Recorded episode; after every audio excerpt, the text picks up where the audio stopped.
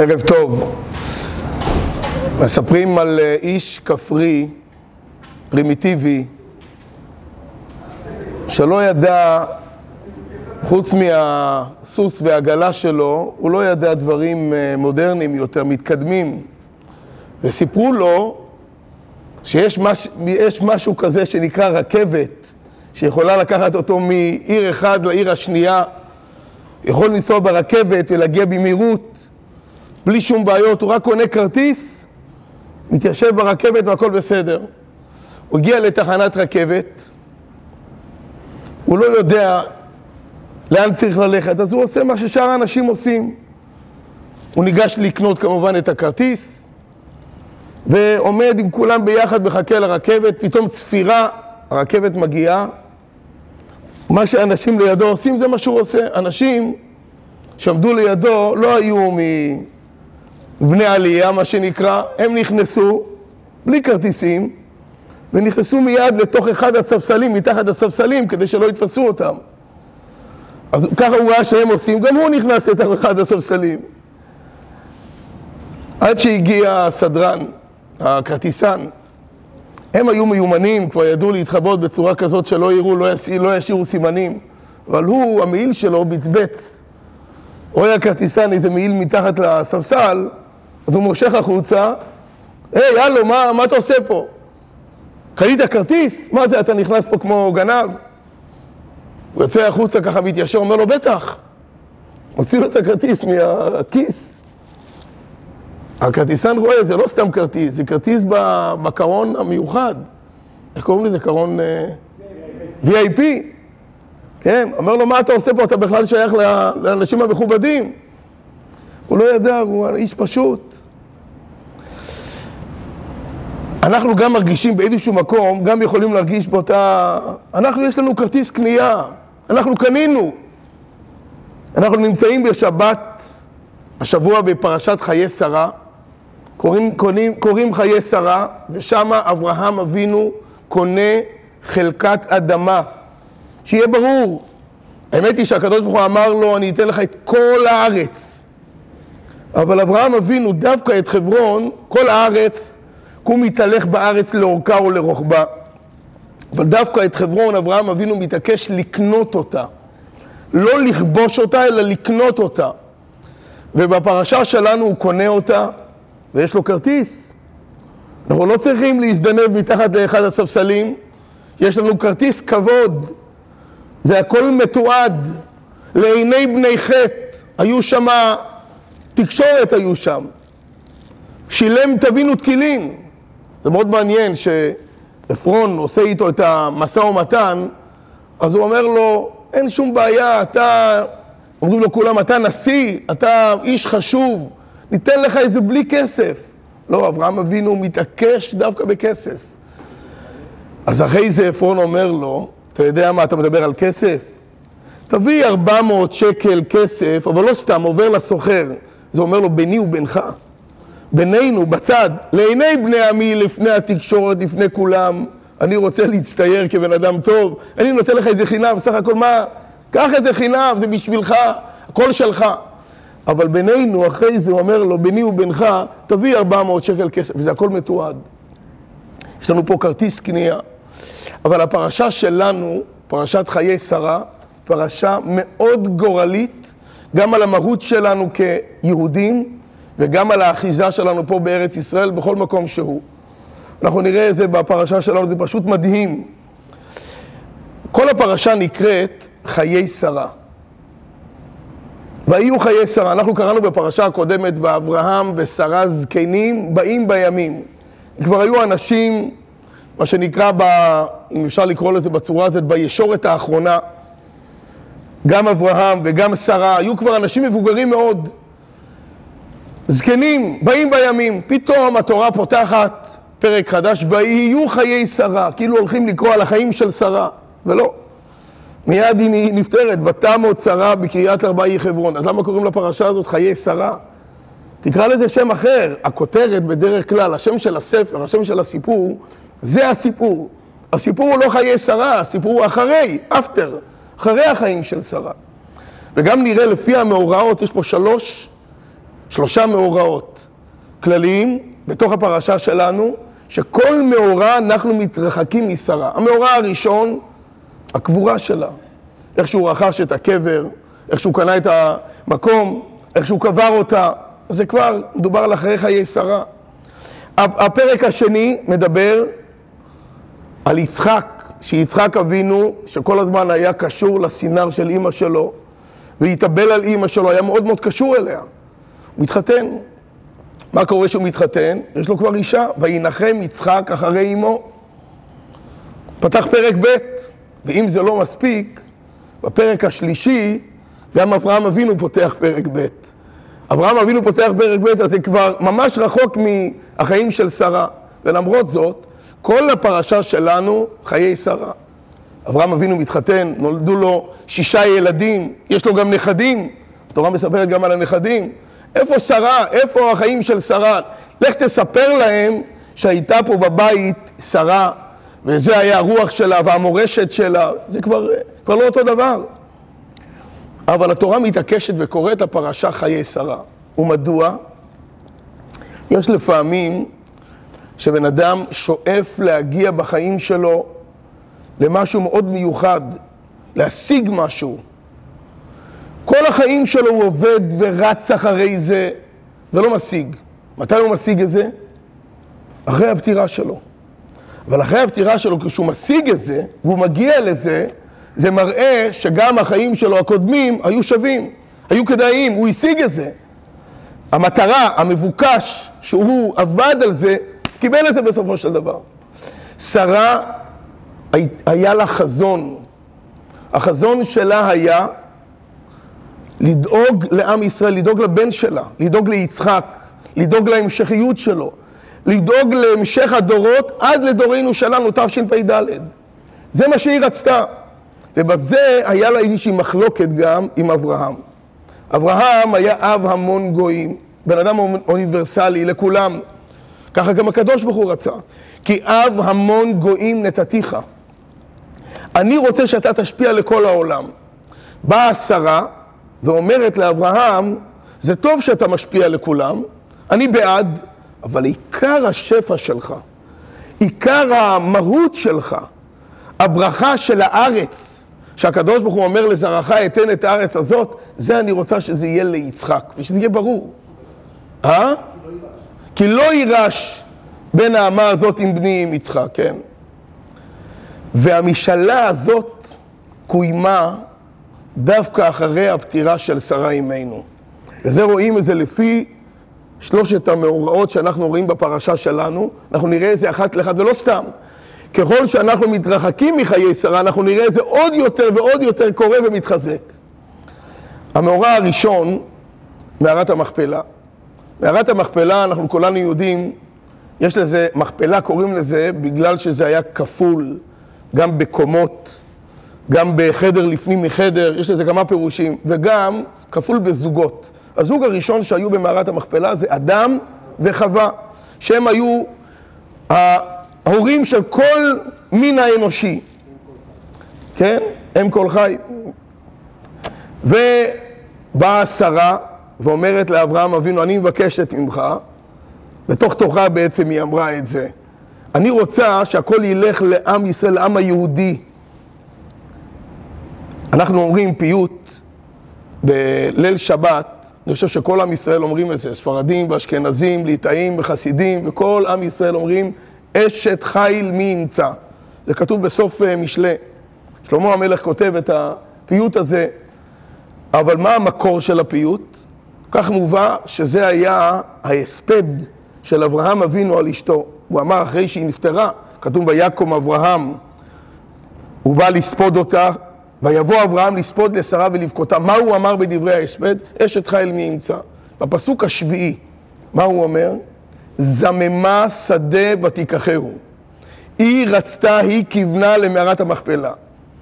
אולי היא לא אמרה את זה בגלוי לאברהם אבינו, אברהם אבינו גם הרגיש את זה כך כמסופר בעקדת יצחק, שם היה ריח של גן עדן. והיא רצתה לוודא, לעשות בטוח, שזה ילך לאברהם ושרה, ליצחק ולרבקה, ליעקב וללאה. ארבע זוגות. אדם וחווה, ואחרי זה שלושת האבות עם האימהות. רצה לוודא את זה. אז בחיים שלה, כמו שאמרנו, אולי היא לא זכתה לראות את זה. את ה... איך שאברהם אבינו בסופו של דבר כן מעביר את השרביט, את השפע, את ההנהגה בסופו של דבר ליצחק.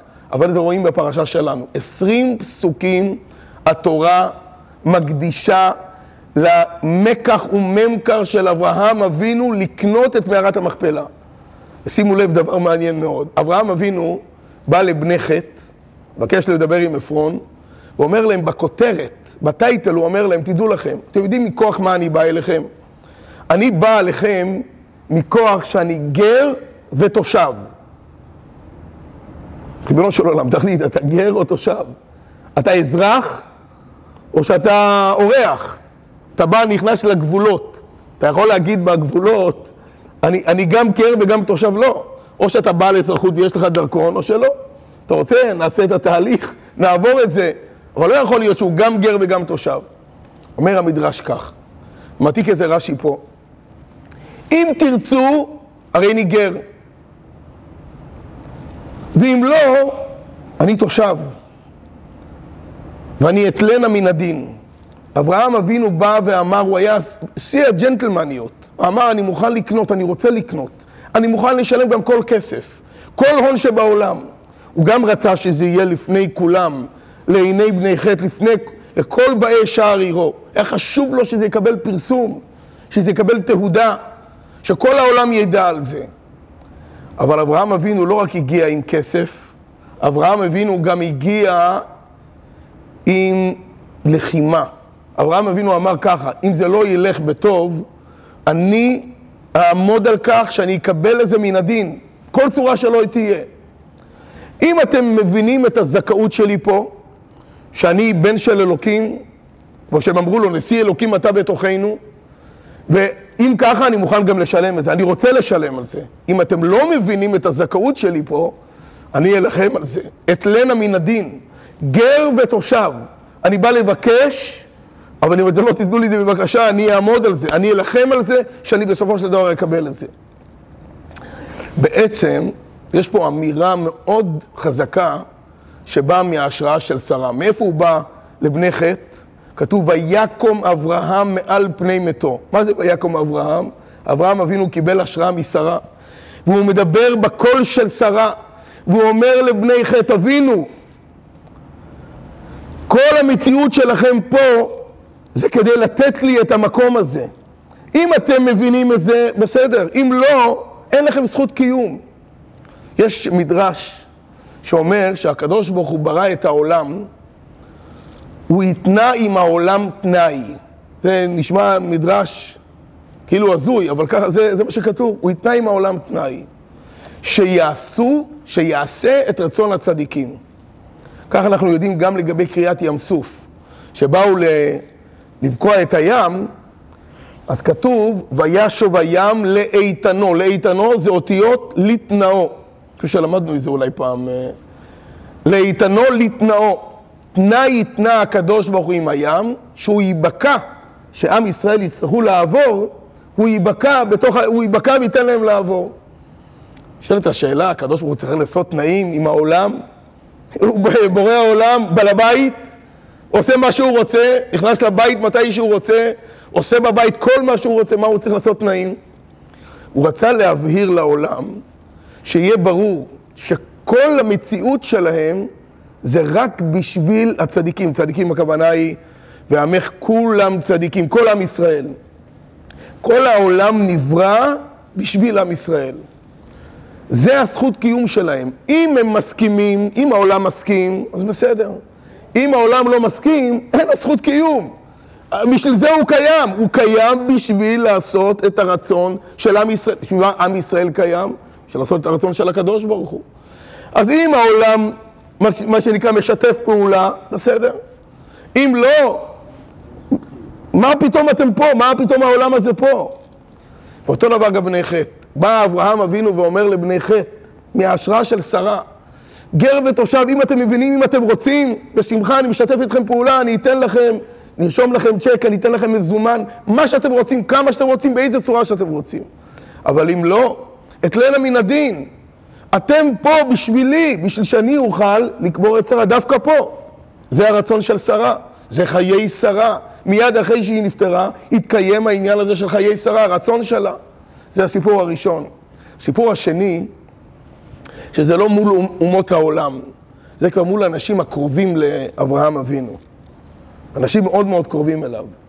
אפשר לומר הכי קרובים אליו, אליעזר. אברהם אבינו מבקש מאליעזר, אני מבקש ממך שתמצא שידוך לבן שלי. יש לי בן יחיד, יחיד לאימו, לשרה. אני רוצה למצוא לו שידוך, אני רוצה שתלך לבנות הכנעני. תלך רחוק. בא אליעזר, אליעזר היה יהודי, לא, אולי היה יהודי, הוא היה אבל אדם גדול, הוא היה ראש ישיבה אפילו. היה דולה ומשקה מתורת רבו לאחרים. הוא לא רק ניהל את המשק של אברהם אבינו, הוא גם אמר, היה מוסר את המסרים של אברהם לכולם. כן? אברהם אבינו לימד את כל העולם על בורא עולם, לימד שיש אלוקים בעולם, נפש אשר עשו בחרן. אליעזר היה ממשיך את התורה שלו, לימד את זה לכולם. בא אליעזר ומתחנן לאברהם אבינו ואומר לו, יא ריבוני, יש לי בת, יש לי בת יעלת חן, מוכשרת, טובה, יראת שמיים. כל המידות, כלילת המעלות, נאה. קח אותה לבן שלך, למה צריך ללכת רחוק? אומר לו אברהם בשיא הפשטות, בני ברוך, ואתה ארור, ואין, בני, ואין ברוך מדבק בארור. הוא לא התכוון חס וחלילה לפגוע בו. הוא התכוון לומר, אתה בן אדם טוב, אתה בן אדם באמת מושלם, אבל מה לעשות לגבי הבן שלי, שהוא ברוך, אתה ברמה של ארור. זה לא הולך ביחד. בעצם כל השידוך הזה נעשה, כמו שאמרנו, כדי להמשיך את המסורת של אברהם ושרה. מי שניסה לעכב באמצע, ככה מסופר, זה היה בתואל, אבא של רבקה, שהוא ניסה לעכב, מה קרה לו? הוא מת על המקום. למה הוא מת? אם אתה בא לעזור, לסייע, אז יש לך מציאות. אם אתה בא להפריע, אז אין לך מציאות, אתה לא יכול, אתה לא קיים. ואחרי זה מסופר שרק לבן ואימא שלו מדברים לאליעזר, בתואל כבר לא היה בתמונה. וזה הכל מראה את ההמשך של חיי שרה, להמשיך את החיים שלה. אגב, כשיצחק התחתן עם רבקה, כל מה שהיה בחיים של שרה, עם הברכה מצויה בעיסה, עם הנר שהיה דולק מערב שבת לערב שבת, עם הענן שקשור על האוהל, הכל המשיך גם אחרי כן. זאת אומרת, הייתה המשכיות לחיים של שרה בעולם הזה. וגם בסיפור השלישי, בסיפור השלישי, שאברהם אבינו מתחתן, מתחתן עם הגר, קטורה, יש כאלה אומרים שזו הייתה הגר, ובונה חיים חדשים. ויוסף אברהם ויקח אישה ושמה קטורה, ונולדו לו שישה ילדים. אבל אברהם אבינו ממשיך את המורשת של שרה, גם בחתונה הזאת, הוא ממשיך את המורשת של שרה. יש לו עוד ילדים. זה כבר לא אומות העולם, זה כבר לא אליעזר שהיה בן בית אצלו, ואומר לו, אין מה לעשות, אני שומר על דיסטנס. זה כבר הילדים שלו ממש, התולדות של אברהם אבינו. הוא אומר ל, ל, לילדים שלו, לכולם, הוא אומר, ילדים יקרים, אני אוהב אתכם. אני אתן לכם מתנות, ואני אבקש מכם, אני רוצה לשלוח אתכם מעל יצחק. יצחק זה הבן שלי, לא אני נותן את ארץ ישראל. לכם אני אתן מתנות, אני אקנה לכם, נלך לחנות צעצועים, נקנה לכם כל מה שאתם רוצים. אתן לכם ואוצ'רים, שוברים, מה שאתם רוצים. ב, ב, ב, אבל ב, את הארץ ישראל, את ההבטחה של הקדוש ברוך הוא על ארץ ישראל, זה אני נותן ליצחק. כי זה, זו הבקשה, המשאלה של שרה. כמו שהזכרת קודם, ששרה אמרה לאברהם, בפרשה הקודמת, היא אומרת לאברהם, אני רואה שישמעאל מצחק עם יצחק. מה זה מצחק? שלושה פירושים יש לזה. יש לזה פירוש של גילוי עריות, יש לזה פירוש של עבודה זרה, ויש לזה פירוש גם של רציחה. הוא הולך ללמד איתו, ללמד אותו על נשק. נשק של שלום, הכל בסדר, הכל ב... שרה נעמדה על הרגליים האחוריות, ושרה שמעה גם את הוויכוח שיש לישמעאל עם יצחק, תוך כדי המשחק עם הנשק. ישמעאל אומר ליצחק, אתה יודע, אני גדול ממך. אני ב-13 שנים גדול ממך. אני הבכור. אנחנו הולכים, כשאבא ילך מהעולם, אני הולך לקבל ירושה פי שניים ממך, כי בכור נוטל פי שניים. שומעת איזה שרה? אומרת מיד לאברהם, גרש את האמה הזאת עם בנה, כי לא יירש עם בני עם יצחק. שרה הייתה אישה הומנית ביותר, האם של עם ישראל, והיא להפך, היא זאת שהכניסה את הגר. היא אמרה להגר, בוא תתחתן איתה ויהיה לנו ילדים ממנה. והיא גם גידלה את ישמעאל. אבל ברגע שישמעאל לא מבין את המעמד שלו, והוא חושב שהוא בשווה עם יצחק ועוד יותר מזה, אומרת שרה, פה אני לא יכולה לוותר. תגרש אותו מיד, כי לא יירש עם בני עם יצחק. כי הוא צריך להבין מה המעמד שלו. וזה אנחנו רואים גם בסוף פרשת חיי שרה, שאמרנו בפרק השלישי. אז התורה אומרת, מדברת על, אה, ואלה תולדות ישמעאל בן אברהם. ישמעאל לא היה בן של שרה, ולמרות זאת התורה מזכירה אותו בפרשה של שרה, של חיי שרה. אבל מה היא מזכירה אותו? ואלה תולדות ישמעאל בן אברהם, אשר ילדה הגר המצרית, תזכרו, לדורות. מי זה ישמעאל? בן אברהם, איך הוא מגיע לאברהם, ממי הוא מגיע? אשר ילדה הגר המצרית, שפחת שרה לאברהם. זה לא הבן של שרה, זה הבן של שפחה של שרה. אם הוא ידע את המעמד שלו, אם הוא ידע ש... וגם אימא שלו תדע שהיא שפחה שבאה לשרת, בסדר גמור. אם לא, גרש את האמה הזאת עם בנה, כי לא יירש עם בני עם יצחק. אה?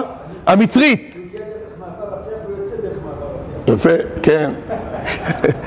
כן. וזה גם, אנחנו רואים גם, ממש במילים האחרונות של פרשת חיי שרה, שהתורה ממשיכה לדבר על ישמעאל. וישמעאל אמרנו זה לא הבן של שרה. מה הוא עושה בפרשת חיי שרה? איך הוא מגיע לפה? וזה השורה התחתונה ביותר, שהיא השורה החזקה ביותר של כל פרשת חיי שרה. כמו שאמרנו, ככל שמתרחקים כביכול מחיי שרה, מהחיים שלה, עוד יותר מתחזק החיים האמיתיים שלה, המשאלה שלה, שהיא רצתה במשך כל החיים. אומר ככה, וישכנו, ואלה שני חיי ישמעאל, מעט שנה ושלושים שנה ושבע שנים, ויגבע וימות ויאסף אל עמיו. אחרי זה התורה ממשיכה בפסוק האחרון. וישכנו מחבילה עד שור, אשר על פני מצרים, בואכה אשורה, על פני כל אחיו נפל. ישמעאל נפל על פני כל אחיו. אומר רש"י פה במקום ככה, נפל שכן. נפל שכן. אתה יכול לקרוא את זה בשני, אה, אבל זה שני מובנים הפוכים לגמרי. אז הוא אומר, איך זה יכול להיות? אז הוא מתרץ, מסביר את זה בסוף. עד שלא מת אברהם, ישכון. משמת אברהם, נפל. כל זמן שהיה אברהם, הוא ישכון, אז יש לו, יש לו מעמד כלשהו.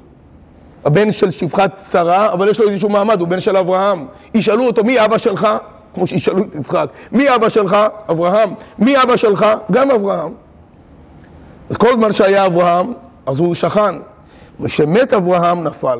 אבל יש לזה פירוש גם בעומק יותר.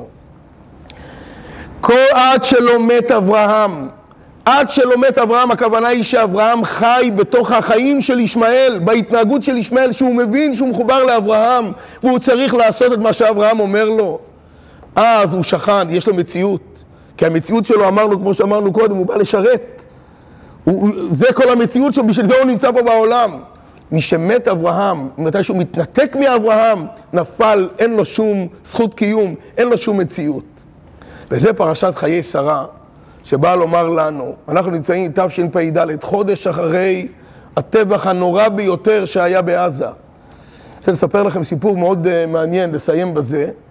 היה ביחידות, היה ראש ממשלת ישראל לשעבר, יצחק רבין, היה אצל הרבי ביחידות. כך הוא מספר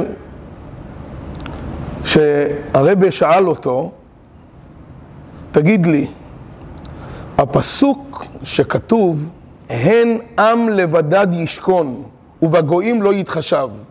עם ישראל הוא לבדד, בודד, ובגויים לא יתחשב, הוא לא מתחשב באף אחד. האם זו בחירה או כפייה? האם זה דרך שאנחנו בוחרים בזה, שככה עם לבדד ישכון, או שזה נכפה עלינו, בחוסר ברירה? הוא לא ענה, הרבי המשיך, ואמר לו, שני הדברים נכונים, זה משולב ביחד. עם ישראל צריך לדעת שהוא לבדד ישכון, הוא לא מתערב עם אף אחד. הוא יכול לחיות עם שכנים, הוא יכול לחיות עם, אה, עם עמים, יכול לחיות בארץ, הוא יכול לחיות גם בחוץ לארץ, אבל הוא לא מתערב, הוא לא מתערבב. זה כמו השמן, שהוא לא מתערב עם המשקה. אתה יכול לשים אותו עם מים ביחד, תשים שמן למטה, תשים מים אחרי זה למעלה, השמן תמיד יצוף למעלה. השמן לא מתנשא, זה פשוט, זה, זה המהות שלו. השמן תמיד צף למעלה, יש לו איכות מסוימת, הוא לא יכול להתכחש לזה, זה, זה, זאת האיכות שלו. עם ישראל לא מתערבב עם כולם. באיפה שהם לא יהיו, הם לבדד ישכון. ובגויים לא יתחשב. הוא לא מתחשב, הוא לא צריך להתחשב. יש לו ערוץ ישיר עם הקדוש ברוך הוא, עם ריבונו של עולם. הוא צריך לכבד, הוא צריך לחיות בשלווה, בשכנות טובה, בשלום. אבל הוא צריך להתחשב רק בקדוש ברוך הוא. לא להגיד מה יאמרו הגויים, מה יגידו אומות העולם, מה יגיד ריבונו של עולם. וזה מה שחיי שרה מבקשת, היא מבקשת שאנחנו נגיד באופן ברור ביותר, הארץ הזאת היא שלנו, למה? כי הקדוש ברוך הוא נתן לנו, הקדוש ברוך הוא הבטיח לאברהם אבינו, הבטיח את זה לאברהם וליצחק וליעקב. ואנחנו באים מכוחם, אנחנו להמשך השלשלת הדורות שלהם. אנחנו לא צריכים להגיד את זה בגלל האו"ם, בגלל הצהרה כזאת או אחרת, בגלל שהתורה כותבת את זה, וככה הגויים מכבדים אותנו. אבל אם חס וחלילה אנחנו יכולים קצת להתבלבל, באים הגויים ומזכירים לנו את זה, וטופחים לנו על הפנים. אתם עם שלא יכולים להתערבב עם קולם. תבינו את זה, בכל מצב אתם צריכים להבין את זה. אז מה שמתבקש מאיתנו, שאנחנו נבין ונפנים ונאמר את זה בגאון ובגלוי, וזה חיי שרה של תשפ"ד, מבקשת מאיתנו שאנחנו נגיד, כמו שאברהם ידע להגיד לבני חטא, אם תרצו אני גר, אם לא תרצו אני תושב, זה שלי, הארץ הזאת שלי, אני רוצה לקנות אותה, למרות שהיא שלי אני רוצה לקנות אותה, כי שזה יהיה קבל עם ועדה באופן הכי ברור, בקניין, שלא יהיה ספק לאף אחד. וגם אנחנו צריכים לומר את זה בצורה ברורה ביותר, שהארץ הזאת היא שלנו, ואנחנו שייכים לקדוש ברוך הוא, ושנזכה בעזרת השם לשלמות של ארץ ישראל ושל עם ישראל ושל תורת ישראל לגאולה האמיתית והשלמה בקרוב ממש אמן. אמן.